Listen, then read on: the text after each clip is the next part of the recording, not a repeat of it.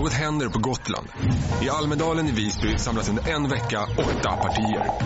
Till över 3000 evenemang kommer det tiotusentals besökare och mitt i allt det här finns det åtta programledare och en morgonsändning. Och dit kommer det massor med gäster. Så nu är det dags att vakna. För det här är God morgon Almedalen. God morgon! Eh, det här är Hej Digitalt med vår livesända talkshow som vi sänder varje morgon mellan 7.30 och 8.30. Det är fredag i Almedalsveckan. Eh, igår rullade den stora hesheten in hos allt fler av oss. Jag känner att jag har lite grann eh, också samma problem. Det är väl de här friska vindarna och det, det myckna pratandet under veckan. Um, Hej Digitalt är en arena där vi har, under veckan har diskuterat digitaliseringen ur en mängd olika perspektiv. Um, och ehm, um, 54 programpunkter, uh, så det har varit väldigt, väldigt eh, spännande. jag har ju den här uh, stora äran att inte bara leda de här sändningarna själv, utan jag har ju förmånen att faktiskt ta med mig eh, spännande människor som, som jag eh, tycker eh, har en sån eh, stark och bra röst i, i opinionsbildningsfrågor. Eh, och jag har idag med mig Betlehem Isak. Hej! Hej! Välkommen! Tack. Eh, det är ju så att det är lite speciellt för mig och Almedalen och David Isaks fall. Mm. För två år sedan hade vi en cell här som var startkampen på, på en väldigt på en ny fas i, i, ett, i ett väldigt tragiskt långt uppmärksamhetsarbete. Eh, det är ju snart 14 år sedan din pappa fängslades eh, i eh, Eritrea för att helt enkelt ha, ha an, använt sin, eh, sin röst för att berätta om verkligheten i Eritrea. Eh, under den Almedalsveckan eh, fanns det ju en cell uppställd här där man fick en chans att gå in i 15 minuter och på något sätt föreställa sig för en sekund av att vara instängd under så lång tid. Eh, vi befann oss nere vid Kallis. Det var, ganska, det var väldigt kallt och blåsigt där. Det var inte den här eh, de här varma gränderna och, och, och, och, det glammiga Almedalen som också finns, utan det var en väldigt, en, en, ett utrymme för medkännande. Och vi jobbade väldigt mycket att man faktiskt skulle ta det här på allvar. Och, och, och, man gjorde det också. Man lämnade ifrån sig mobil, klocka och så går man in i 15 minuter. Och det skapade väldigt starka reaktioner. Det skapade processer som också gör att vi står här idag. För att det var en, ett, ett arbete som, som väldigt långsiktigt har gjort att den, de här aktörerna som jobbade för frågan har kunnat fortsätta jobba. Eh, vid den tiden hade du och jag inte träffats, men det har vi gjort sedan dess många gånger. Mm. Eh, och varje fredag är det ju så att man på Twitter och i andra sociala medier extra mycket uppmärksammar din pappas fall för att vi aldrig ska glömma bort och fortsätta kämpa. Eh, och, och då är ju frågan till dig, hur, hur har det här, um, det här uppmärksamhetsarbetet där du också har klivit fram än tydligare varit för dig? Uh, självklart är det ju kämpigt, men uh, det, det ger mig också hopp om att människor faktiskt inte är helt uh, borta. Det, det är hopp om att det finns medmänsklighet och det finns kärlek och man vill man vill, man vill väl. Eh, men det också känns många gånger att eh, jag har känt mig som ett offer och jag har eh, suttit i fängelse. Eh, men eh, men nu, nu, nu har jag känt att jag, jag jag har befriat mig själv och det, det, är därför jag också har gått med den här kampen mer aktiv nu. Eftersom jag, jag känner att jag har suttit i fängelse med min pappa under en väldigt lång tid, mm. Eh, under hela min uppväxt. Um, man får befria sig själv, för man, man, kan ju vara man kan ju vara i fängelse även fast man är fri fysiskt. Så mm. kan man ju vara i fängelse i huvudet. Och det var jag eh, ganska länge. Men, men jag förstår ju att det är så himla viktigt att göra sin röst hörd. Och, eh, och det är ju därför min pappa eh, sitter i fängelse. För att han tog det stora beslutet som vi alltid kanske inte förstår här. Att varje gång vi uttrycker oss så tar vi faktiskt ett beslut mm.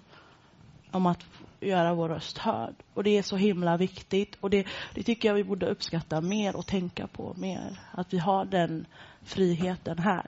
Mm. Vi kommer ha en gäst idag som verkligen betonar vårt ansvar eh, att ta de här aktiva valen. Men för din pappa blev ju valet väldigt, väldigt en, en, en, förändring i en helt annan riktning än det vi kommer få se exempel på här. Det har inneburit en, en, eh, en fångenskap och en avskildhet från sin familj och vi vet väldigt lite om hur han har det mm. eh, idag. Det är ett väldigt högt pris att betala. Mm.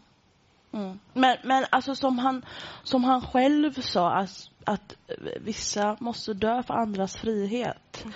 Mm. Um, nu vet jag ju inte om han kommer dö fysiskt, men så är det ju. Alltså det, det, är bara att kolla på historien. att vi, alltså Sverige blev ju inte så här på en dag eller hundra år. Det tog ju några hundra år. Um, och, och jag tror jag tror i alla fall i Eritreas fall så måste man ju förstå historien och politiken för att egentligen kunna kräva demokrati. Mm. Man, man, kan inte... Som jag har sagt innan att, eh, att Eritrea är ett stort brinnande hus. Eh, och, och man kan inte släcka elden först. Mm. Man måste rädda människorna som är där inne och sen släcka elden. Det jag menar med det här är att man måste släppa ut eliten som sitter i fängelse. Journalister, politiker, konstnärer eh, som alla har åkt in för, för att de har eh, gjort sin röst hörd man måste släppa ut dem innan det kan bli demokrati. Det blir ingen pros eh, demokratisk process utan dessa människor. Men det förstår inte många eritreaner eller inte heller eh, västerlänningar som du och jag. Eh, vi vill liksom bara, ja men nu, nu, nu, nu blir det demokrati, sen kommer de ut. Men jag tror mig att det är tvärtom. Mm. Men för det, det som har hänt det senaste året är att du använder din röst eh, och, och, och, tagit en plats i offentligheten också. Du skriver krönikor i, i GT till exempel. Mm. Eh, och, och, du har gjort eh, eh också använt din pappas fall eh, till att just sätta fokus på hela Eritreas utveckling. Mm. Eh, påminner oss eh, på ett smärtsamt sätt att vi verkligen ska använda vår egen yttrandefrihet också. Mm. Mm. Eh, hur, hur, ser det arbetet ut när du vill lyfta hela Eritreas utveckling? Alltså jag tycker det där är väldigt svårt um, eftersom jag tror egentligen ingen människa kan Eritrea helt och hållet och definitivt inte jag. Men jag försöker ändå studera folkets historia. Mm. Speciellt från 50-talet till nutid. För det är en kritisk tid i Eritreas historia där man kan se att eh, befria sig från Italien och sen Etiopien och så nu försöker man befria sig från sin egen landsman.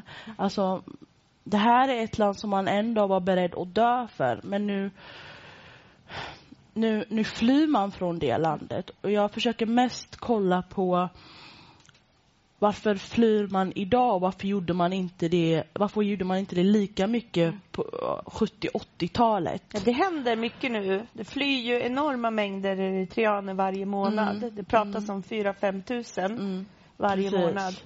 Men äh, eritreaner vågar oftast inte prata med mig eftersom ja, men du, du skriver, du kanske avslöjar. Och, alltså man är väldigt rädd som, som eritrean är man alltid på sin vakt. Även här. Mm.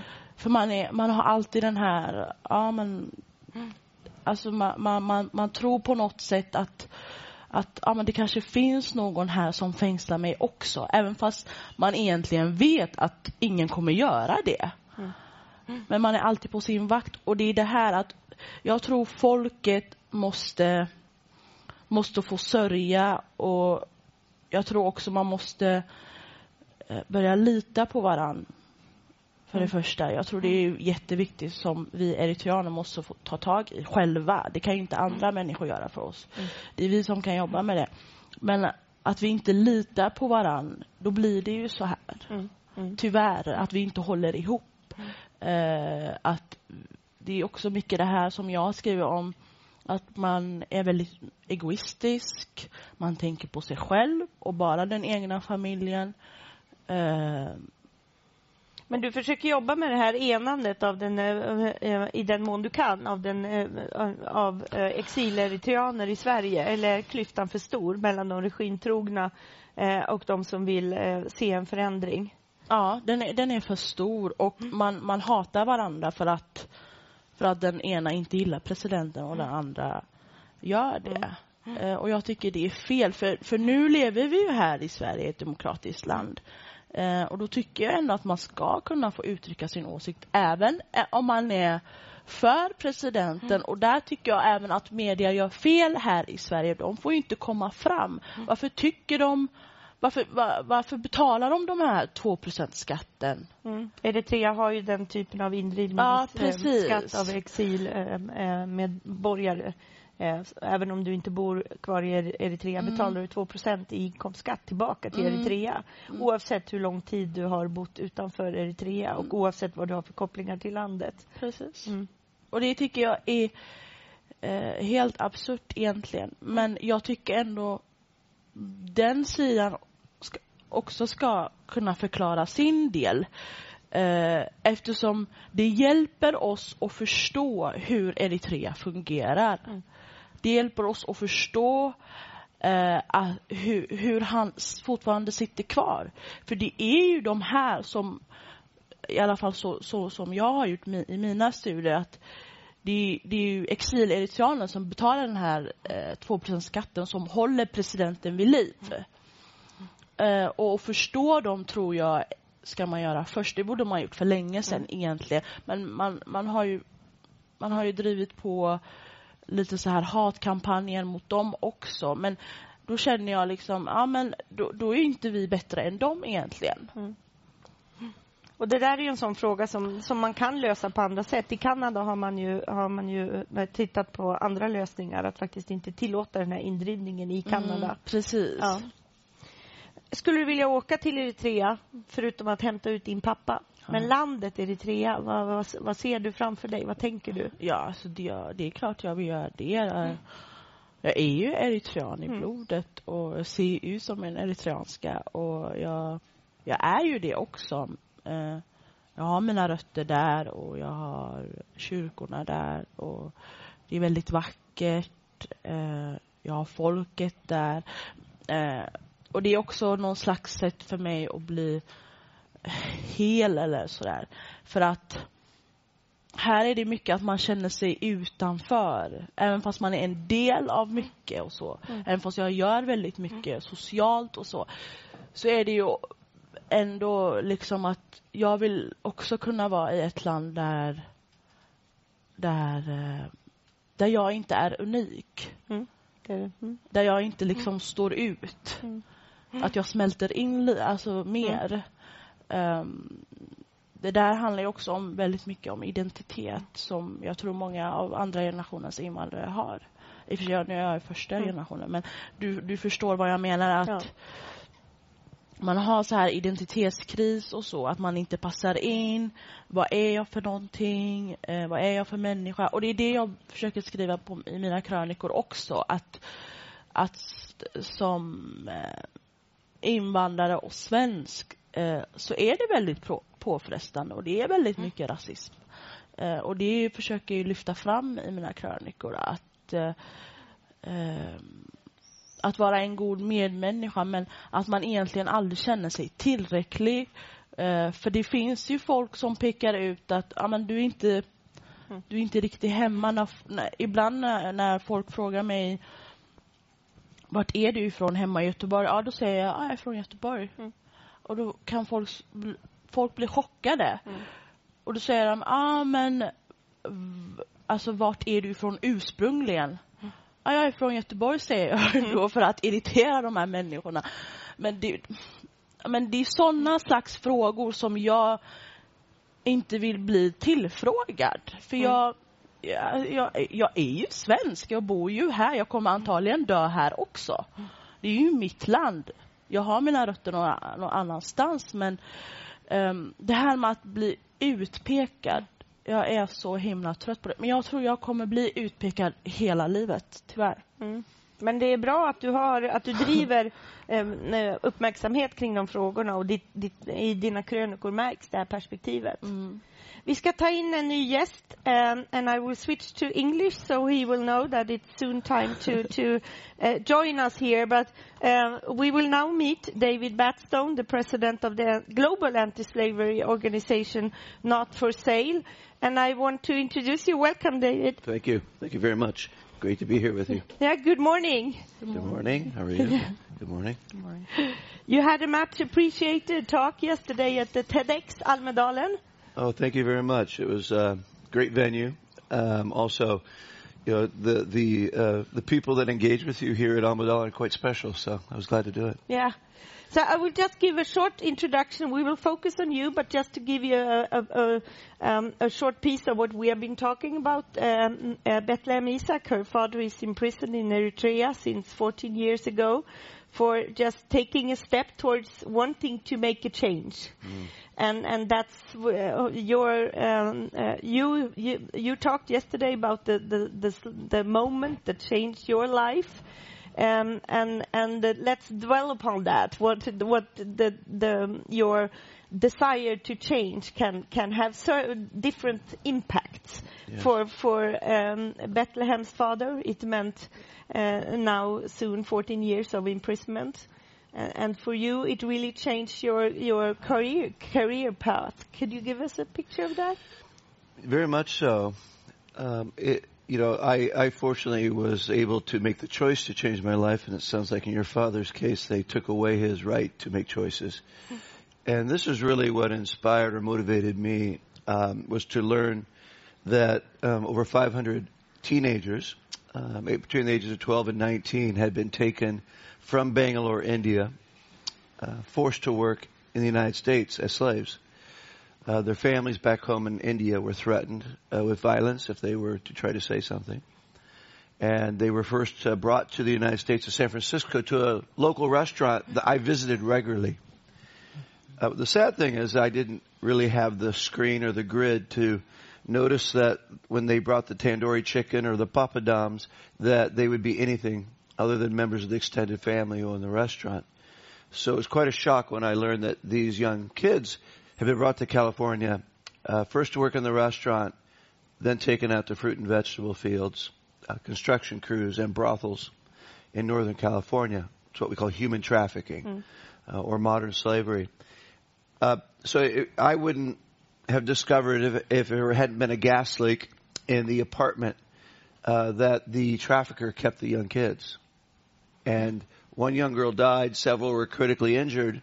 When the police showed up to uh, respond to the emergency call about the gas leak, they told the girls, we need to get you away from this. They said, no, not away from the gas, from him.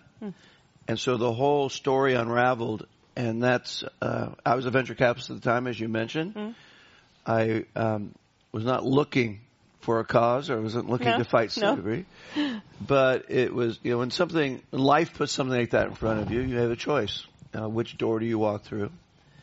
And I decided to uh, take it on as something that was um, a lifelong passion. Yeah. I think we could we move a bit here. I see that this is maybe in in the way this barrier here. So um, that this this way um, that um, you are quite. Uh, you always emphasize that the, the big change bec between being aware, and that's not good enough. We are good at making us aware of things today, but what's the power to really start doing more than being aware? Wow, you've got great research. I I, uh, I haven't said that this week, but it's exactly right. Yeah. um, you know, and it's funny when you come when you talk about social change, or I want to work for a, a change in a social cause. Um, it's almost as if we shift categories from things that we, we we we consider effective or important in the world of business and the world of politics. Now we're into social change, and awareness seems to be enough.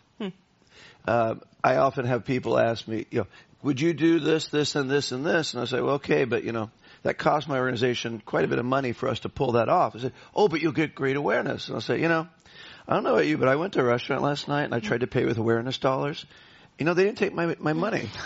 and so I said, you know, awareness also has to translate into other things, uh, action and and funding and um, uh, you know. M- momentum and contribution. So, yeah, I'm, I'm a big believer in that. And you'll note that Not for Sale then is a, a series of very targeted, effective actions. And that's how we measure whether we're doing anything. It's not how many times we got on the radio, um, even though I love being at an event like this. Yeah. But it's really important is that someone who's in the audience, I don't need your clap or pat on the back. I need your action. Yeah. And how do you do that? How do you take action? Um, really, we, we, we, we do several things. Is that, okay, how are we going to move someone out of position for where they don't, they can't make choices? What does empowerment really look like? It's not just going in quickly, building a school and leaving, or, you know, saying, even pulling someone out of slavery, out of a rice mill or a rug loom or uh, a brothel and say, you're free. And they'll say, well, free for what? Now what do I do? Where do I go from here? So we've been really focused on, yes, getting them out of situation of immediate vulnerability, but then building economic platforms, getting investment, creating companies ourselves. We've created 10 companies that are in the beverage industry, I mean, the organic natural food industry, in technology, or in green agriculture. And we link the supply chain, we link the making of products, we link the uh, sourcing of ingredients to the communities we want to help. And so the goal is really creating a, a different kind of economy bu- built on dignity, not built on exploitation. And how do you do with the offenders? Those who sell people, actually. Yeah, going after the demand, after the trafficker. Yeah. Um, really, the uh, we do not focus as much on law enforcement, the criminal justice system. There are other organizations that do that. We are trying to create um, ways that people are not vulnerable and uh, will so easily be exploited. So really, we work with the victims and potential victims, and thank goodness there's other groups that are working with putting those folks in jail that deserve to be in jail. Um, then there's a third area of, of this whole puzzle, and that's changing laws or protocols. Oh, okay. And that's a third set of groups that do that. So for Not for Sale, our, our whole goal is about the empowerment and uh, change and opportunity for the victims. But you probably get unique insights in the processes and how that that uh, yeah. So that seems that do you collaborate with with those kind of institutions that take part of these other issues related to actually totally ending the whole business model around the slavery? Yeah, very much so. It's, when we first started, it was very hard to get uh, law enforcement. Of course, in the United States, we have the FBI, um, or uh, we have local law enforcement, but we could not uh, really get them to believe that this was a a broad problem. Even though there were hundreds of young children in my own backyard, as I started to investigate in the United States, and then took a year to go around the world and investigate. Here in Sweden, you know, we're not talking about fringe economy somewhere far beyond where you and I go every day. Uh, Dagens Nyheter just did a, have been doing a series of stories, uh, where slavery is embedded into ICA, your, you know, the grocery store we all go to here. Um, their young Mongolian girls are forced to clean, not being paid, um, uh, wages in any fair fashion or being exploited, um, forced to sexual favors just to get their paycheck. And it's a very, it's not even a paycheck, it's a stipend. So these things are embedded in the economy here, just like it is in my country. Yeah. So learning that, so you know, early on, Britt, we had to um, go undercover ourselves, and I used to wear a hidden camera. I'd go into a, a place like a massage parlor and act like I wanted to be a customer, and these young girls couldn't speak English, or from Asia or Guatemala, or, and then we would share that evidence with law enforcement. Say, look, you know, here they, they they're being sold to us. They don't even know what's going on, where they are in the world, or they can't speak English. Um, and uh, with time now that that we found that the FBI and other agencies are taking it more seriously. And companies, on the other hand, embedded in their supply chain, say like an example of ICA. Mm-hmm. So I don't want to pick on them, mm-hmm. but it's it really is getting the companies to take it seriously mm-hmm. and, and and understand the process. What would it mean to eliminate or at least mitigate seriously the likelihood that you could have that happen in your own company? Um, so we're working with the European Commission right now. Yeah.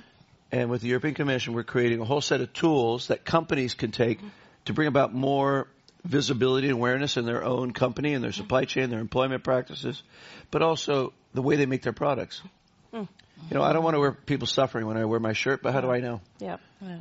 And we don't know. We don't know. Yeah. And so It's kind of scary. It's scary. Yeah. So for that reason, what we did is we created a, a, um, a evaluation tool that looks at 125 factors in a supply chain, and then we give a, con- a, a company a grade.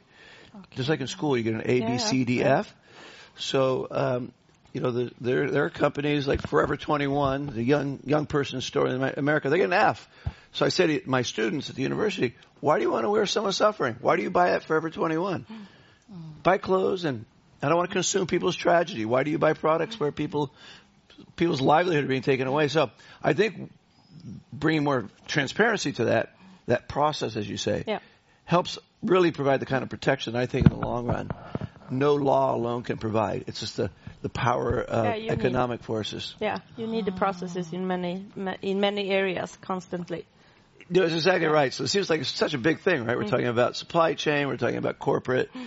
policies and practices and employment, we're talking about the legal system and law enforcement, letting people get away with taking advantage of someone else. Mm. Um, and then the economic opportunity that people don't have and they get made vulnerable. So It, I would like to, to know um, a bit more about your thoughts about charities versus companies Yeah. uh, and their role in these change processes we're talking about. You're quite critical to the more traditional charities. Very much so. Uh, again, my kudos to your research. Um, uh, charity is not wrong; it's just insufficient. And so, I, I, you know, uh, when I think about charity and how it works, um, we're, we're establishing. Um, in fact, this week we established not for sale in Sweden. So we'll be uh, launching a pilot project, really focused on young Romanian people who are here and giving them the tools, the opportunity, and the bridge to go back home in a secure, safe way. So we'll have a pilot project uh, that we're doing with the Salvation Army in October, not for sale in Salvation Army. But um, really, to find to fund that, well, what are my options? Okay, the postcode lottery has a lot of money here that they set aside. Not enough, but they have money. So then I go and say, okay, I'm going to go and try and get money from the postcode lottery. My competition is children's aid work, AIDS work in Africa. Okay, good. I beat them out. I got the money they didn't. Is that that's not a win? No. right? But it's only a limited resource, a scarcity that we uh, are all going after. Um, let's say I talked about uh, ICA. Let's say they have a corporate social responsibility foundation, and I apply to them to. More, okay, thank you very much for the money, but I want them to change their behavior. I just want. So I'm thinking differently. Well, what does it really mean to have financially sustainable and effective models? Um, we decided that the only way we could do that is do what the world of technology and commerce does every day. They ask people to invest money for a very viable economic activity and they'll get some kind of return. So we create companies that are this wonderful beverage that we source the ingredients from the communities of the Amazon, 77 tribes we work with. We source the ingredients from those communities. We create jobs. We create a product that we sell in Whole Foods, which is an ICA variety in the United States and Europe. And so then when someone gets it, they read about it, so it's visibility and hmm. marketing. And then we return gross revenue hmm. back to the communities themselves. We're creating an economy and also a way of bringing visibility to the consumer. To me, you replicate that over and over again. Hmm. Then I'm not begging Coca-Cola, their foundation, for money. I'm competing with them. Yeah. Right? But it, and I because I totally share your uh, view on. Uh, I worked 16 years with within charity organizations, and we wanted to to make awareness of, of uh, human rights and equal possibilities. And when I then went to to the business side, I was so surprised on how how uh, much friendlier environment it was to work in. Because it, we uh, we were all working for such good causes within the charity business but we were really fighting exactly as you were saying fighting about the money fighting about the voices we're quite bad at working together. And and that's if I really put myself in that corner. On the other hand I really do believe that, especially in Sweden, you will have a challenge in that perspective that you always get the question, it's sort of ugly to, to earn money. Yes. And, and if you earn money and do good things, that's not uh, conflict at all. That enables you to do more. And you will have a challenge with that in Sweden because I worked within the PR industry and you always come to that. You believe that companies do have some, it's always a hidden agenda somewhere. Yes. Uh, and maybe one aspect you really need to, to try to embrace is that you, Sweden is a country with a huge tradition of the people's movements. So, so how do you get people to, to really be part of a movement and not only customers then? No, that's that's. Uh, I think it's uh, it's a good insight. Uh, there are there are you know uh, assumptions about um, well if if wealth is being generated then somebody must be doing something wrong. Um, it's uh, it's ironic that we kind of celebrate the Klarnas of the world because they've done so well creating wealth, but if someone or an, a, an organization is creating something for the poor, oh my gosh, you must be doing something wrong. It, there seems to be a disjunction here, a double standard. But I, you, having said that, perception is reality, and perception is reality. Yeah. So that it, it is very important what we're we're building here. We, we, you know, talk about pushing the boundary.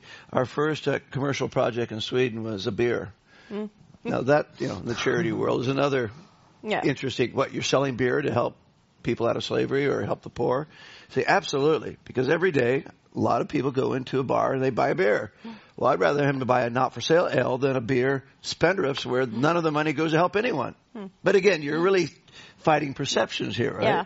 And so it's, uh, but what we're doing is that we create a whole platform. We call it the ambassadors platform. And you can be an ambassador for the causes, the movement that we are a part of. And you can share it with other ambassadors what they're doing in their community. So you're spot on. Is creating a sense of engagement beyond simply, hey, buy our beer or buy our her herbal beverage or buy our protein bars, whatever it is, and you'll be doing something as a customer. You will be. But it's the other piece too.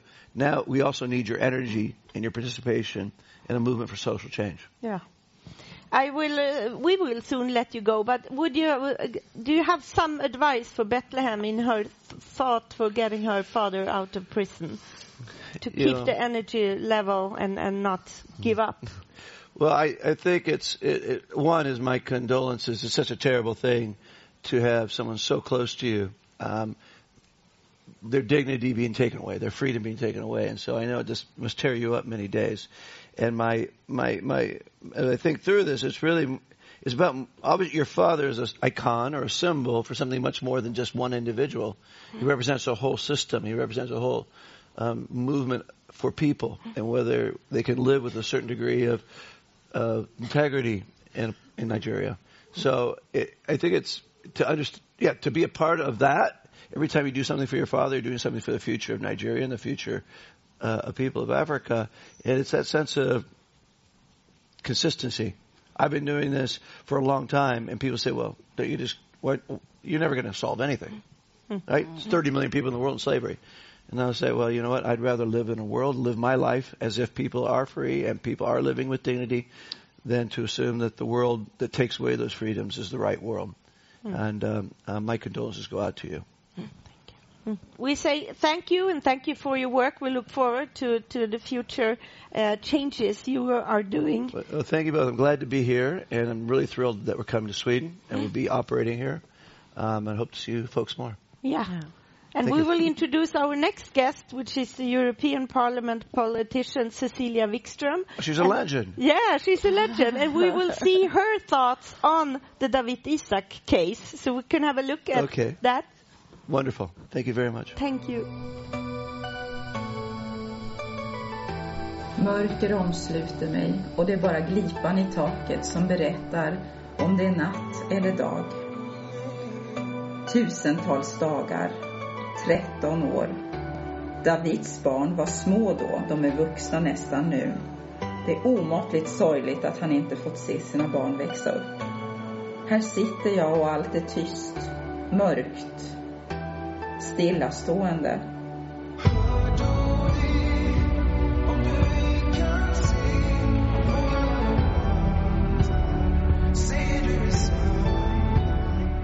Jag känner nästan en förlamning, en kramp utsträckt över tid, uppgivenhet efter en stund. När en av oss är fängslad för det fria ordets skull så som David, då är vi alla fängslade. Idag är jag fängslad tillsammans med David Isak.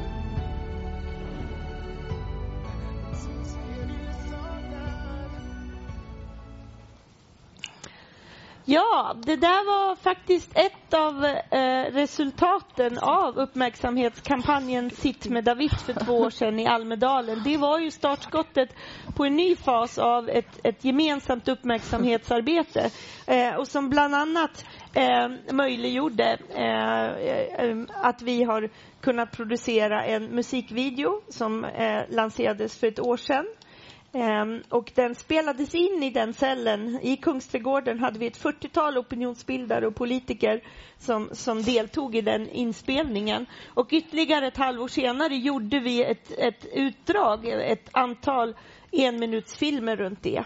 Ehm, Cecilia Wikström, um, Europaparlamentariker på plats här i Almedalen. Du är välkommen hit. Tack så mycket. Och uh, tack för ditt engagemang för David Isak-fallet. Eh, hur, hur, eh, hur, ser du på medverkan i den här typen av eh, uppmärksamhetskampanjer? Det är väldigt svårt att sätta ord på det faktiskt, därför att det är någonting som går utöver ens professionella liv, ens politi mitt politiska liv.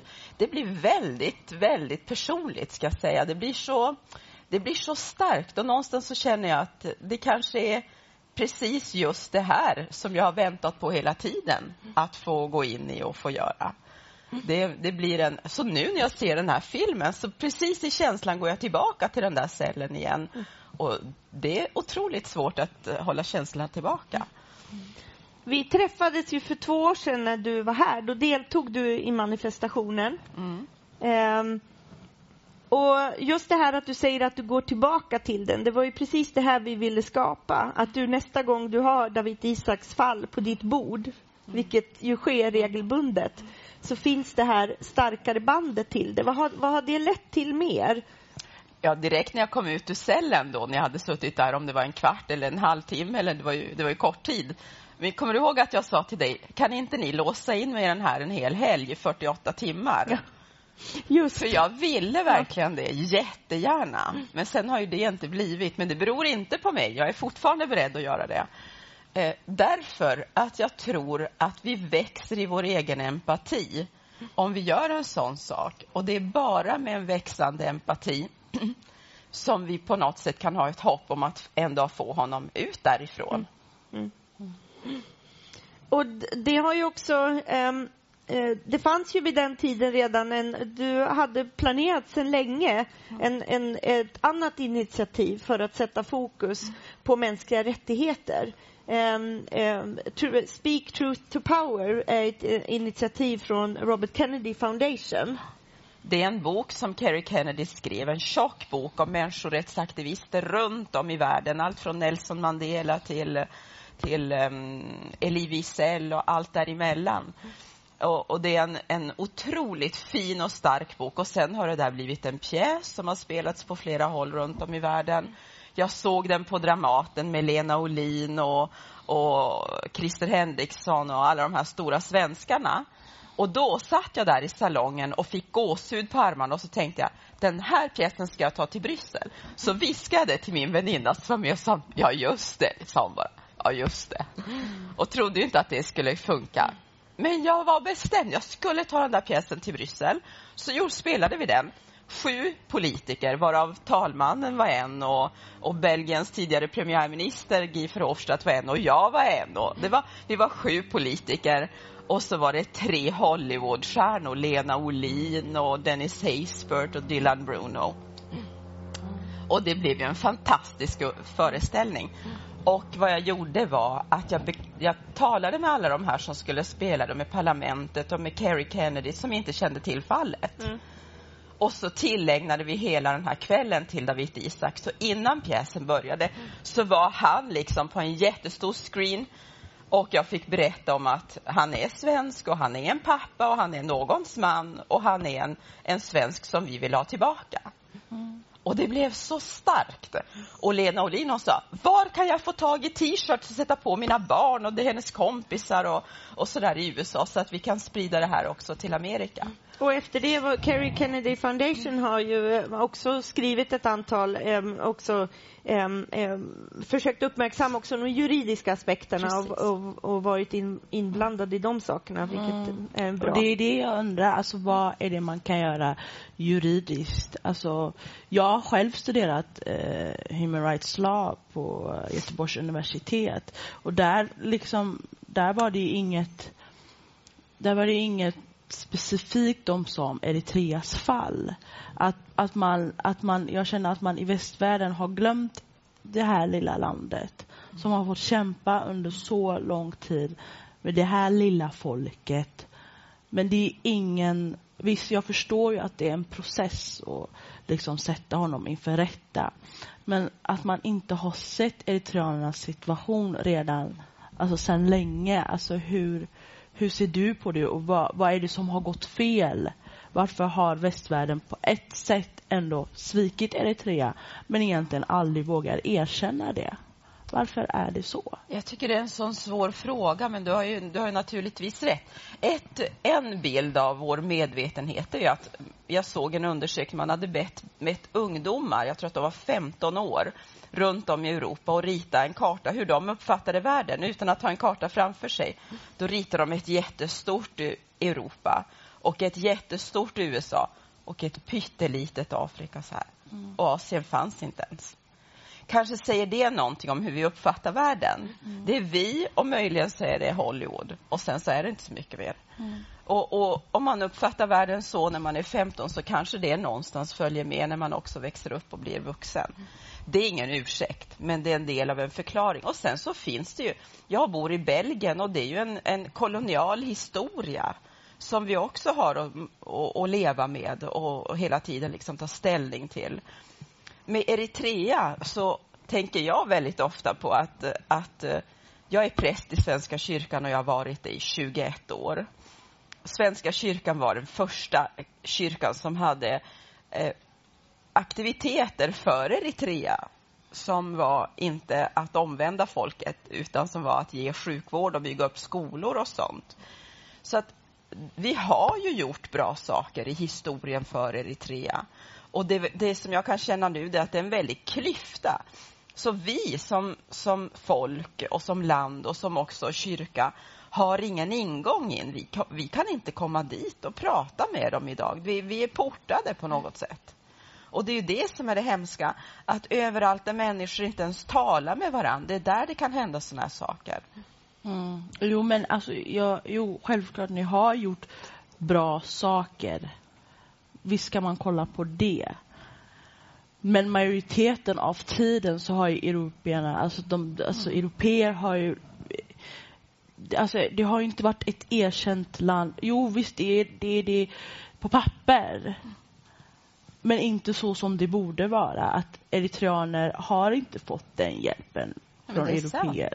Det är sant, och, vi har och det tror jag inte... man kan förklara med den här kolonialhistorien som vi har haft i Ja, men det, sitter, det är det jag kan störa mig på. Att det koloniala tänkandet sitter ju kvar i västvärlden. Jag märker det även när jag är bara kanske är ute och fikar med kompisar. Det koloniala tänkandet sitter ju kvar. Men varför sitter det kvar det i, det, i det stora? Alltså, du sitter mm. i parlamentet där.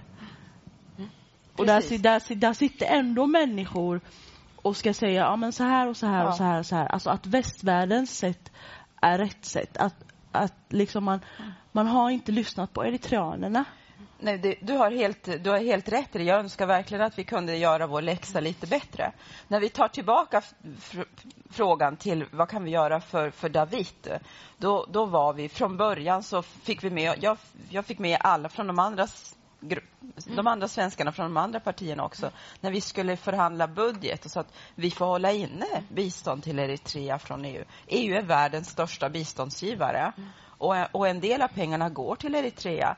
Och så länge, menade vi då, som vi inte kan få någon information ens en gång om, om hur, hur den enda europeiska samvetsfången, nämligen han, mm. hur han har det, mm. så kan vi inte fortsätta att ösa ut mm. europeiskt bistånd till Eritrea. Nu pratar jag inte om humanitärt bistånd, utan jag pratar om utvecklingsbistånd. Och det är ju det är en stor skillnad, som ni vet.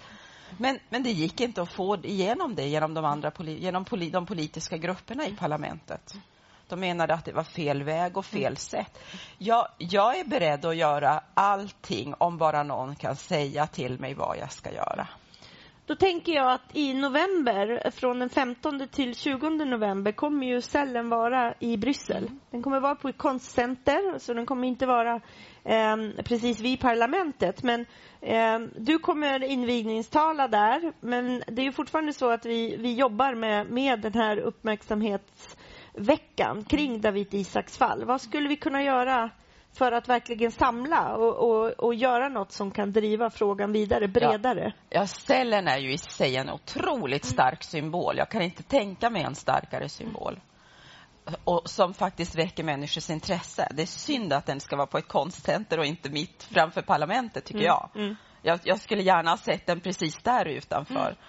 Och um, det här evenemanget som ska bli, det, det ska ju bli väldigt, väldigt fint. Därför att igen handlar det om att det finns jättemånga europeer. Vi är 509 miljoner europeer. Mm. Det är en bråkdel. Det är en, det är en, det är en droppe i havet som vet om det här. Det är nästan ingen. Nu vet vår, mina kollegor i parlamentet om det, men vi är ändå bara 571 människor. Och en del av dem har inte lyssnat, för de bryr sig inte. Men, men vad, vi, vad man kan göra, det är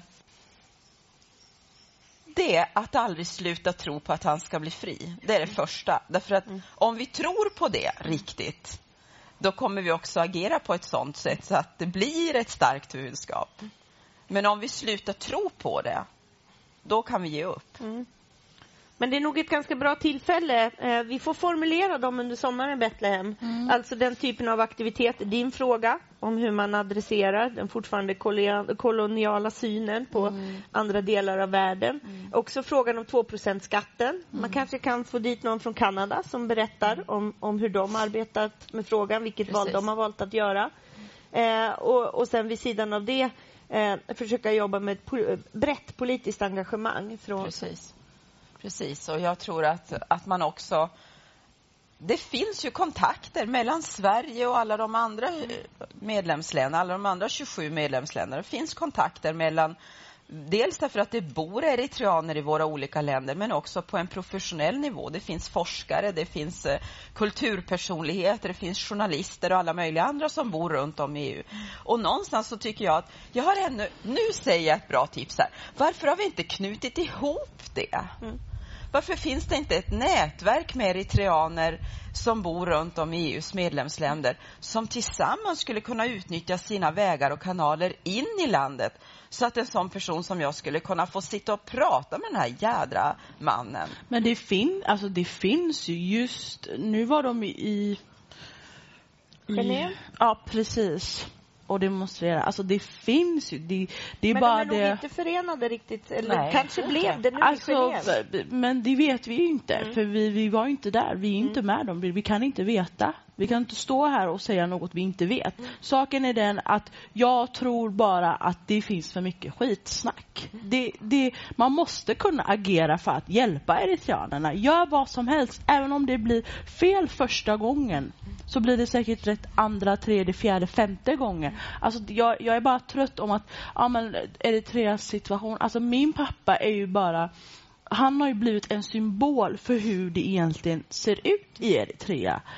Men jag ser andra symboler. Vet du vad jag ser för symboler? Jag ser symboler av människor som tar sig från Eritrea hela vägen upp mm. till, till kusten av Medelhavet och som sätter sig i de här livsfarliga båtarna och mm. många av dem dör ja, på vägen. Mm. Det är för mig symbolen mm. av ett land som är i total kollaps mm. därför att människor måste lämna det. Mm. Men vad gör ni då? Vad vi gör? Ja, ja, jag har själv varit med i en Frontex-båt och till och med varit med när människor blivit räddade. Så att när det gäller att, att jobba med flyktingpolitik, då, har jag, då kan jag säga att då jag Det är nog det enda politikområdet där jag har fullständigt rent samvete. Jag kunde inte ha gjort mer. Men- Men, men, men det är för mig en lika stark symbol som David. Det är de Precis. människor som flyr och som med livet som insats sätter sig i de här livsfarliga båtarna, blir inlåsta i lastrummen. Några av dem kommer fram och andra gör det inte. Och Medelhavet är ännu en symbol, därför att det är en symbol som har blivit, Medelhavet har blivit en enorm massgrav för människor som har levt under detta förtryck. Och Men det- krig men det- och förföljelse. Självklart, men är det också inte en symbol på hur eh, europeer har svikit eritreanerna? Är det inte det? Det är inte bara eritreanerna, utan, utan hela världen. Vi jo, men aldrig... nu, nu vi, pratar vi specifikt om Eritrea. Ja, ja, visst Eritrea som en del av dem som är utanför EU. För vad vi aldrig får göra det är att bygga ett fort i Europa som är stängt för omvärlden.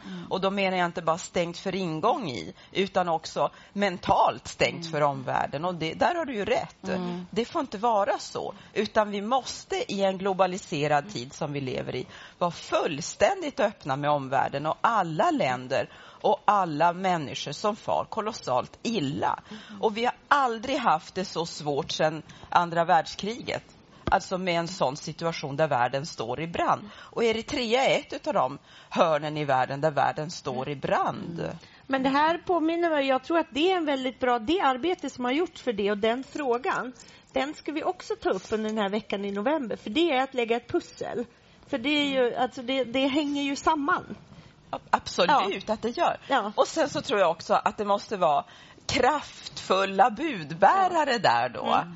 Så att om, om lika självklart som att, som att jag är där så behöver ju företrädare för de andra länderna också Mm. hitta någon som blir någon slags budbärare eller, eller språkrör eller vad man nu ska säga för den här frågan. Och vi pratade ju om det när ni var i Bryssel att det fanns starka belgiska politiker som ni skulle förmå ta in i det här så att det där blir en, en väldigt tydlig och, och viktig dag. Vi ska tacka dig för att du kom hit Cecilia i ditt eh, otroligt intensiva program under den korta tid du är i Almedalen. Är det något du vill lyfta fram som du ska göra idag? Vad är för fråga? Härifrån ska jag nu Ja. gå till ett seminarium som handlar om barns rättigheter. Och barn finns ju som sagt i hela världen, också i Eritrea. Och det är de barn som växer upp i Eritrea och andra länder där, där livet står på spel. Det är de barnen som Europa har ett särskilt ansvar för att ge både en barndom och en framtid. Så nu ska jag gå och göra det. Ja, och Det vi, tycker jag är viktigt. Ja, och vi säger tack till dig och låt oss titta på några av de vita fläckar i Almedalen som eh, Martin Schibbye och Blank Spot Project har tittat på under gårdagen. Vi rullar filmen ska vi se. Dagens blankspot-spaning äh, äh, görs av Beatrice Rindevall från Supermiljöbloggen. Vad har du sett som över och och underrapporterat här under Almedalsdagarna? Eh, överrapporterat är definitivt IS-frågan. Eh, det är en jättestor och viktig fråga men vi pratar om 300 personer som åker från Sverige.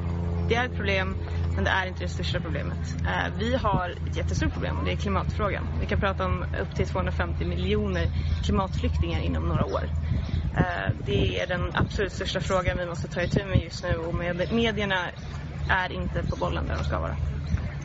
Vilka, hur skulle man kunna belysa den? Vad är det man missar?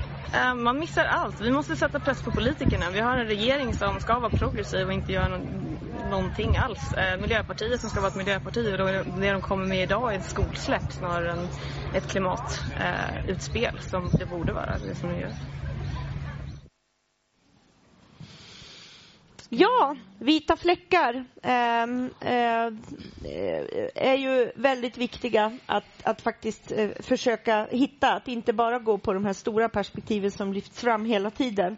Ehm, vi har fått in en ny gäst och det är Carl Heath från Interactive Institute. Tack så mycket. Vi träffade dig i veckan. Ni har ju gjort ett spännande initiativ som också har syftat till att öka tillgängligheten och ge mer insyn till det som händer i Almedalen.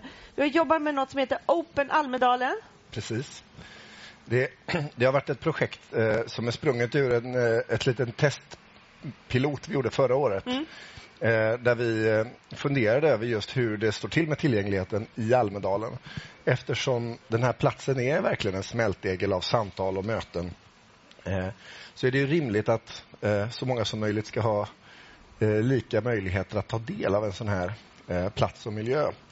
Utmaningarna med Visby som stad är ju rätt så tydliga. Det är kullersten Mm. som gör det stult för rullstolsburna och det är en båt. Och är, har du rullstol, att försöka få till ett rum och bo i här så är inte det särskilt enkelt i sig.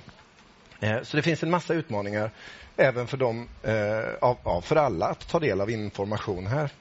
Eh, Och ett näst bästa alternativ det är ju såklart att webbsända ett innehåll från ett seminarium eller en mötesplats. Eh, så förra året tittade vi på hur många är det som gör det egentligen och vi tyckte att det var på tok för få jämfört med de möjligheter som, och verktyg som finns idag och hur digitaliseringen har förändrat samhället. Och när vi i år tittade eh, på statistiken från Almedalsveckan.info så är det ganska tydligt att eh, ja, hur, hur det ser ut. Och i synnerhet sorgligt kan jag tycka, det är ju hur långt ner på listan stat, kommun och landsting och riksdagspartier ligger. Som ändå, jag kan tycka, har ett ganska så starkt ansvar och en typ av organisationsform där det här känns som en väldigt angelägen fråga. Själva kärnan i Almedalen. Någonstans. och, eh, och ehm, för att försöka hitta nya sätt att öka den här procentsatserna så startade vi eh, ett eh, litet pilottestprojekt som heter Open Almedalen som är en slags matchmaking-möjlighet för aktörer att kunna eh, ta, ta del och få tillgång till de platser som inte webbsänds genom att hjälpa till på traven och öka de här siffrorna på olika sätt. Mm. Och I ljuset av intresset som har varit för fler och mer webbsändning så känner vi att eh, med de här siffrorna får vi väl titta vidare och återkomma. Och det är ju flera perspektiv. Nu har vi ju precis tittat på webbsändning men Hörselskadades riksförbund har ju konstaterat att bara en sjättedel tror jag, av alla seminarier är tillgängliga för personer med hörselnedsättningar. Ja, vi har väldigt dåligt samvete för att vi inte eh, eh, hade resurser för att få in det helt enkelt. Det borde ju verkligen, det får vara på prioritetslistan. Eh, Och det är ju, alltså, jag tror att väldigt, en, en, del, en del av förklaringen må hända skulle kunna handla om att eh, digitaliseringen har rullat på eh, och man kanske har en bild, ja, det här är bara en, en spåning, att, att eh, man betraktar att kunna webbsända ett seminarium som en strikt professionell handling. Men vi vet ju som har jobbat med digitaliseringsfrågorna att det finns ju tusen sätt att tillgängliggöra ett seminarium på där vissa är ganska förhållandevis lätta idag. Och att det inte riktigt kan vara en, den enda ursäkten just vad gäller webbsändning. Mm. Åtminstone. Mm. Så, eh, så det är där vi står just nu och, och jag kan väl ho- hoppas och kasta ut en fackla till nästa Almedalsår. Då får vi ta fram de här siffrorna igen och se hur det ser ut om, om de här organisationerna bättrar sig. Ja. Men hur har reaktionerna varit? Man har ju också kunnat anmäla. Man kunnat... Man har kunnat anmäla. Ja. Nu har vi ju det här varit ett jättelitet och begränsat Ja. projekt eh, och vårt fokus har hamnat på att lyfta upp frågan. Men, men vi har fått in anmälningar på och folk som har velat eh, att det webbsänds och vi har haft diskussioner, framförallt över Twitter såklart, över eh, vart man kan gå för att hjälpa till och söka upp något. Vi har också ställt vi frågan på Twitter Mm. Eh, vi har ställt frågan till alla riksdagspartierna varför de inte webbsänder mer, men inget parti har svarat på den frågan eh, heller. Ja, här har ni varit duktiga och vara på de aktörerna som, som ni har identifierat inte har. Ja, precis. Ja. Eh, Så det här är ju, som arrangör själv, vi har ju 54 programpunkter som, som tack och lov livesänds allihop. Men vi får ändå frågan om det hela tiden. Livesänds det här? Vad ligger det efteråt och så? Så ju, vi upplever ju en stor efterfrågan och detta trots att vi väldigt tydligt har kommunicerat att vi gör det. Absolut. Ja. Och här, det finns ju liksom ett antal inneboende utmaningar just i liksom hur sker kommunikation på Almedalsveckan och Mm, sådär. mm. Och som jag tror alla som är här känner till utmaningarna och svårigheterna med. Men, men, men, eh, men just själva möjligheten att kunna sända, den, den finns ju. Eh, och i princip för alla med tillgången till mobilteknologi. Då. Mm. Så, eh, så vi får väl hoppas till nästa år att, att eh, fler aktörer eh, hörsammar och ser möjligheterna och ser att det går att nå nya och andra målgrupper Mm. eh, som kanske inte är på plats. Utan För det är ju så att ställen. När en aktör livesänder så väcker det efterfrågan hos andra. För då börjar man botanisera i hela programmet och se men den här skulle jag ju också vilja ta del av. Och det, I år så var det ungefär 600 seminarier av 3 500 som webbsänds. Och eh, det är självklart så att ökar det antalet och du kan få flera olika rösters perspektiv också på distans.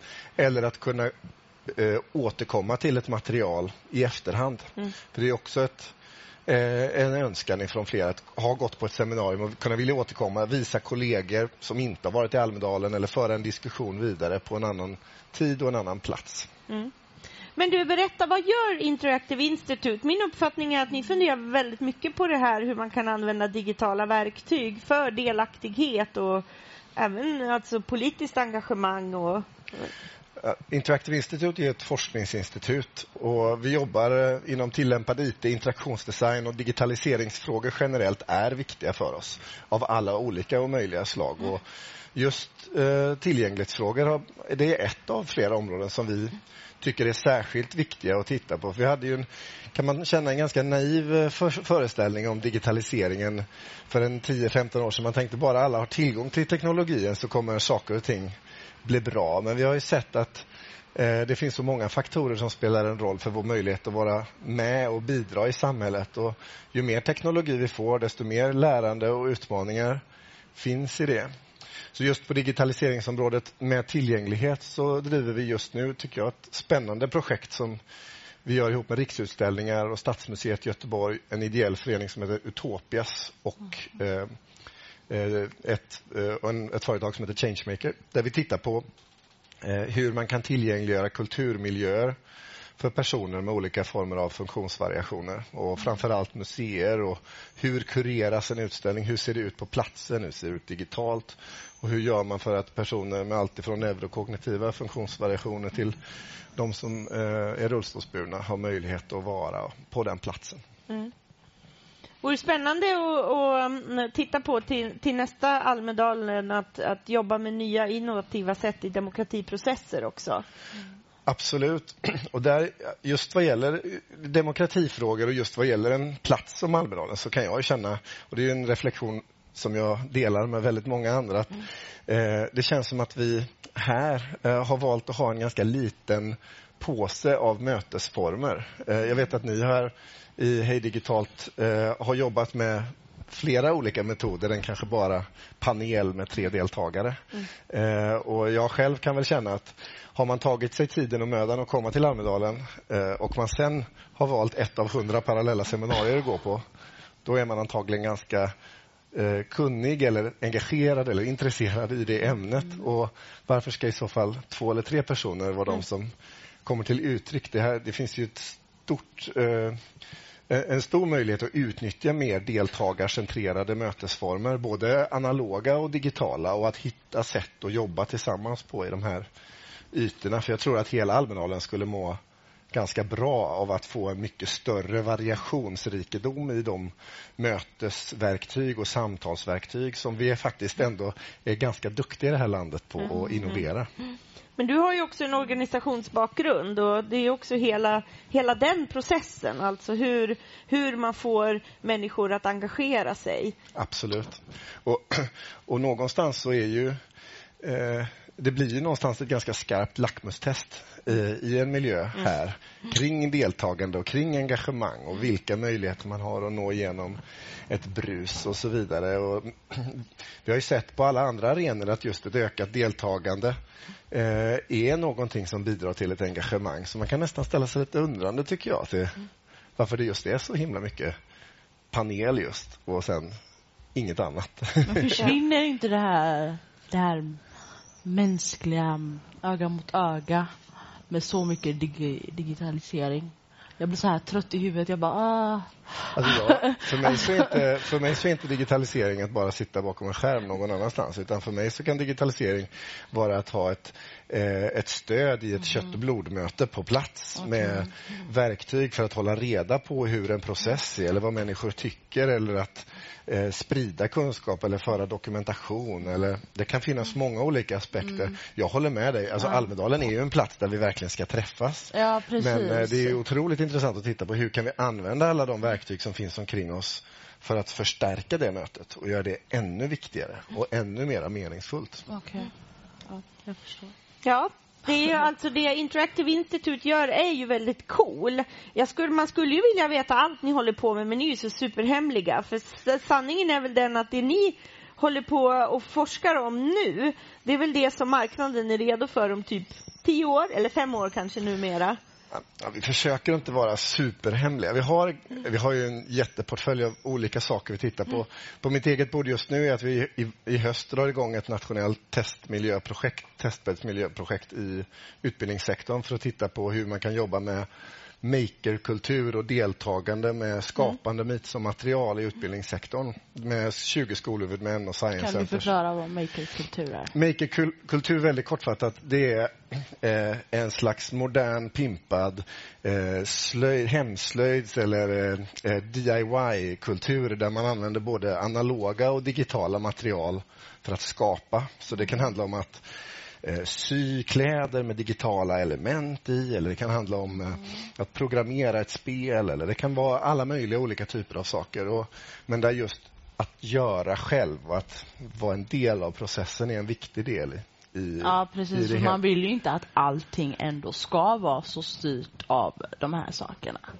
Nej, inte självklart i varje fall. Och, Nej. och, eh, Det hade ju varit tråkigt. och, nej, alltså, Alltså, men här pratar vi om, det finns ju så mycket jag, jag, jag minns när jag träffade Interactive Institute första gången, det var när jag jobbade in i energisektorn.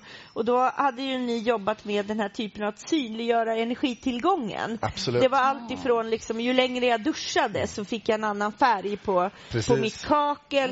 Eller att sladdarna är, är, eh, fär, är färgade när de är igång. Vilket påminner mig om att faktiskt dra ur den när jag inte använder prylarna. har och faktiskt precis avslutat ett jätteroligt energiprojekt med för, i förskolan där vi har jobbat med metoder i förskolan för att se på hur man kan minska energiförbrukningen i förskolemiljö. Och där har vi sett en energiförbrukningsminskning på 13 procent genom beteendeförändringar där barnen helt enkelt genom sitt lärande och sitt arbetande och skapande tillsammans ökar en medvetenhet som får dem att använda mindre energi i den miljö de är i.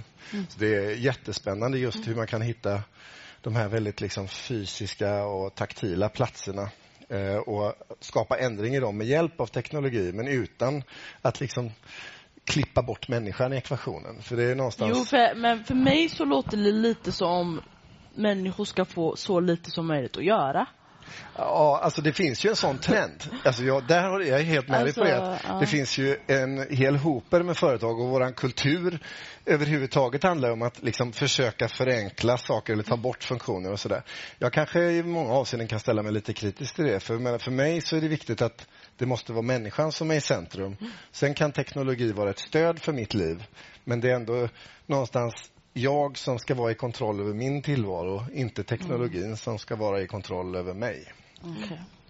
Det är en bra avslutning på hur man ska summera digitaliseringen, mötet liksom mellan människa och teknik. Vi tackar dig så mycket Karl. Har du något program mer i Almedalen? Ja, klockan tio nu så kommer jag prata just om makerkultur och skolan nere på Fenomenalen. Så tycker man sånt är kul så kan man eh, gå ner dit. Det kommer vara en hel dag av aktiviteter som handlar just om skapande med IT som material. Och det finns mycket prova på miljöer. Jag ska försöka få igång en 3D-skanner så man kan skanna in sig själv och printa ut en liten figur av sig själv om vi har lite tur och får igång det. Ja, vad Eh, roligt. Så eh, då är man välkommen till Fenomenalen senare. Ja. Stort tack. Ha en Tack fortsatt själva. eh, fin avslutning på Almedalsveckan. Tack så mycket. Tack. Hej. Hej. Nu Betlehem ska vi eh, få veta, vi kommer inte få veta något, men vi ska prata om eh, opinionsbildning i Almedalen. Eh, vi har den stora äran att ha Ann-Sofie Kroll på plats, analyschef på O-point. Hej, välkommen. Hej. Hej, hej. Trevligt att träffas. Eh, klockan 14 idag, Ja. här på Hej Digitalt, 14.15 för att vara 14.15 till och exakt. med. Ja. Ja. Vad händer då? Berätta. Då ska vi utse vem som har lyckats bäst med mediegenomslaget i Almedalen i år. Eh, och det, har ju, det är svårt att slå igenom, det ska Mm. vi ju säga till att börja med. Och vi har mött eh, 120 bolag och organisationer idag, eh, eller under den här veckan. Och eh, så har vi tagit fram en shortlist. Mm. Eh, och dessutom så har vi tittat på hur väl, vi börjar i den digitala sfären och ser hur väl skapar man engagemang. Sen går vi in och tittar på, på den här korta listan, de tio, tio eh, som kommer på toppen. Hur har de lyckats nå ut redaktionellt? För Mm. att det är ju en sak vad man lyckas med på ön. Ja. Men hur väl lyckas man för alla de som inte är superdigitala Ja. och, och läser i andra medier? Eh, och sen så, så eh, har juryn då fått prata ihop sig, titta på resultaten och också diskutera och kommit fram till en vinnare. Mm. Men jag har en shortlist med mig Ja. som är de Spännande! fem. Ja. Som Fem. Det, ja, Mm. det är fem det står emellan. Det är Skolvåren. Mm. Det är Electrolux. Det är Hej Digitalt. Eh, det är Grant Thornton och Öresundshuset i år. Spännande. Att, eh, Grant Thornton, vad har ja. de gjort tro?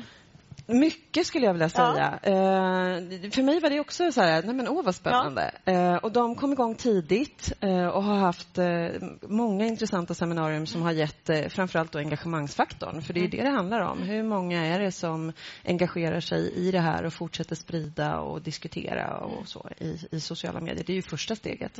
Men jag tycker att vi överhuvudtaget har sett många nya aktörer och många också eh, större bolag eh, använda digitala medier bättre i det här första skedet i år. Eh, så att det har varit många som är så här, oj, här seglar de upp. Ja, men det är ju Eh, jättespännande. Eh, snacka om traditionellt bolag. Eh, och det betyder ju ändå att de inte har pumpat ut 27 000 debattartiklar utan de har varit aktiva digitalt också. Ja, ja. och också få till dialogen, Mm. för det är det som är fokuset i år. Och vi har gjort så, eftersom det här, vi har ju gjort det här priset flera år i rad. Och för att förbättra oss hela tiden Mm. så skruvar vi också åt och gör i ordning algoritmerna lite annorlunda. Så att för I år har det krävts väldigt mycket engagemangsfaktor eh, för att komma högt i topp. Mm. Eh, för det ska inte gå att bara twittra mycket till exempel Nej. eller lägga ut mycket i Facebook. Eh, utan tanken är att, att man ska visa att man engagerar och, och får folk drivna i en fråga eller Mm. vad det nu är, man, vilka budskap man går ut med.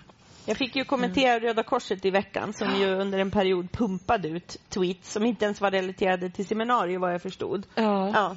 Och det, och det är väl det du är inne på där. hos, att det hos ska oss, I vår mätning så ger inte det effekt. Jag kan Nej. inte tala för andra Nej. mätningar som pågår. Men, men eh, eh, jag tycker att man måste verkligen jag har mycket åsikter om Almedalen, men, men jag tycker att det, det är så otroligt intressant och det har vi ju pratat om här idag också, just det här med att liksom hur skapar man engage- engagemang över tid? Mm, mm. Så att det inte bara blir i Almedalen utan att de sakerna man brinner för verkligen håller i det långa loppet. Mm. Och det tror jag man gör via engagemang och få sina ambassadörer som fortsätter titta på en även efteråt. Mm. Men då blir man ju lite nyfiken här. Eh, då måste jag ju, eftersom jag har lite koll. Ja. att Vi skårar ju lågt på de traditionella medierna. Jag Mm. gjorde en debattartikel där det bara stod Hej digitalt. Mm. Sen tror jag att det har varit två artiklar när branschmedia har varit här. Mm. Eh, så inalles fyra traditionella klipp. Bloggarna då, räknas de in? Till den sfären eller? Nej, inte, Nej. inte till redaktionellt. Nej. Och nu ska jag ärligen säga, för det här är ju någonting som vår marknadschef eh, Mikael Lindström sköter. Mm. Eh, så att jag kan faktiskt inte svara på hur de har gått in och tittat på bloggsfären. Eh, men det som vi har tittat på är ju framförallt liksom hur spiller det över i medierna eftersom det är mediegenomslaget. Mm, mm. Ehm, så att, men sen är det ju också så att det är en jury som tittar på det. Mm. Så att det finns aldrig någon given så här, att den här kommer att bli, Mm. även när vi ser datan. Mm. För man vet aldrig hur juryarbetet går. Mm. Och det ska vi också säga att, att Electrolux sitter ju även i juryn. Så han fick snällt kliva av båten Mm. Ja, ja. när det var dags att diskutera Ja. Eh, så att, och så är det ju ofta när man sitter i olika jury. Så att, att är man då i jäv får man, får man helt enkelt kliva av när man ska diskutera sitt eget case. Mm. Eh, och, och jag var inte med eh, under juryn, då var jag ute på andra uppdrag. Mm. Eh, men jag förstod att det var en, en bra diskussion och, och så. så att, eh, men det har ju Spännande. ofta varit så att den som liksom har rankat högst i första mätningen på, är kanske inte den som vinner. Utan man måste se till helheten. Det är oerhört viktigt. Spännande. Ja, Berätta vilka vann förra året. För att få Eh, lite bild av... Förra året Ja. så vann LO. Mm. Eh, och, och det var kanske inte så förvånande för, för att de var ju otroligt aktiva och, och det var valår och sådär. Mm. Året innan var det Öresundshuset som också har gått väldigt, väldigt starkt i år. Mm. Eh, så att eh, man vet aldrig vem det Ja. blir. Nej, de satsar alltid väldigt väl. Ja, Ja, men vad spännande. Vi träffar dig 14-15 Ja. helt enkelt. ja det gör ni. Tack för att du Tack, kom. tack. Ja. Betlehem, vår stund här är slut. Hur har det här varit? Kul. Ja, Ja, kul att lyssna. Tycker jag.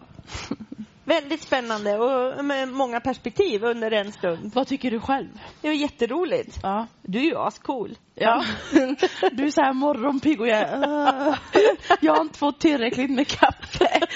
Men det har varit jättekul eh, och väldigt givande att få lyssna på olika intressanta människor. Vad heter han killen som var här? Eh, David Batstone, Nej, han som var, om, pratade om inte... Carl Heath. Ja. Det var för mycket digitalisering för mitt huvud där. Jag tror att det är för tidigt på morgonen bara. Ja, men det var liksom, men hallå, ska människan inte få göra någonting? Detta sagt av tjejen som bara instagrammar hur mycket som helst. Jo, men... Okej, ja. Ja. Jag får dra ner på det då kanske. Eh, ska Ja. du hänga med mig och Martin Schibbye nu klockan nio? Ska vi ta lite Hej Digital tips? Ja, Vad det vi kan tycker vi att man ska göra idag. Man ska eh, följa med till Utrikespolitiska förbundet eh, som idag anordnar en diskussion om utrikesrapportering på nya villkor. Eh, det är Martin och jag som pratar om Blackspot Project mellan nio och halv elva. Eh, eh, och klockan ett så tror jag att vi har dagens stora kommunikationsevent. Det är förstås på Almega med den fantastiska rubriken Ingen kommer läsa din debattartikel. Hur når man fram till dagens unga? Varenda PR-konsult i eh, Almedalen kommer vara på det seminariet. Och efter det hoppas vi att de tar sig ur tältet och kommer hit för att höra eh, vem, som är, eh, vem som har fått bäst medialt genomslag i Almedalen. Och vi är nominerade, det var ju kul. Ja, jag hoppas eh, vi vinner faktiskt. Fyra. Ja, och du ska få se mer av Almedalen tänkte jag. Ja, Häng med det- mig, för det är ju kvar. Du är kvar till imorgon. Men det här, det här verkar vara hur Ja. når man fram till dagens unga? Ja, prata med unga först så kanske det händer någonting. Bra jobbat! Ja. Men vi går dit och så ser du till att precis säga det om det inte är så att de också själva har reflekterat över detta. Ja, men har, har folk själva inte varit unga undrar man ju ibland. Ja. Du, ska vi titta i kameran och säga tack och hej för att ni hängde med Tack, oss här. Tack, tack. Vi ses sen. Hej då.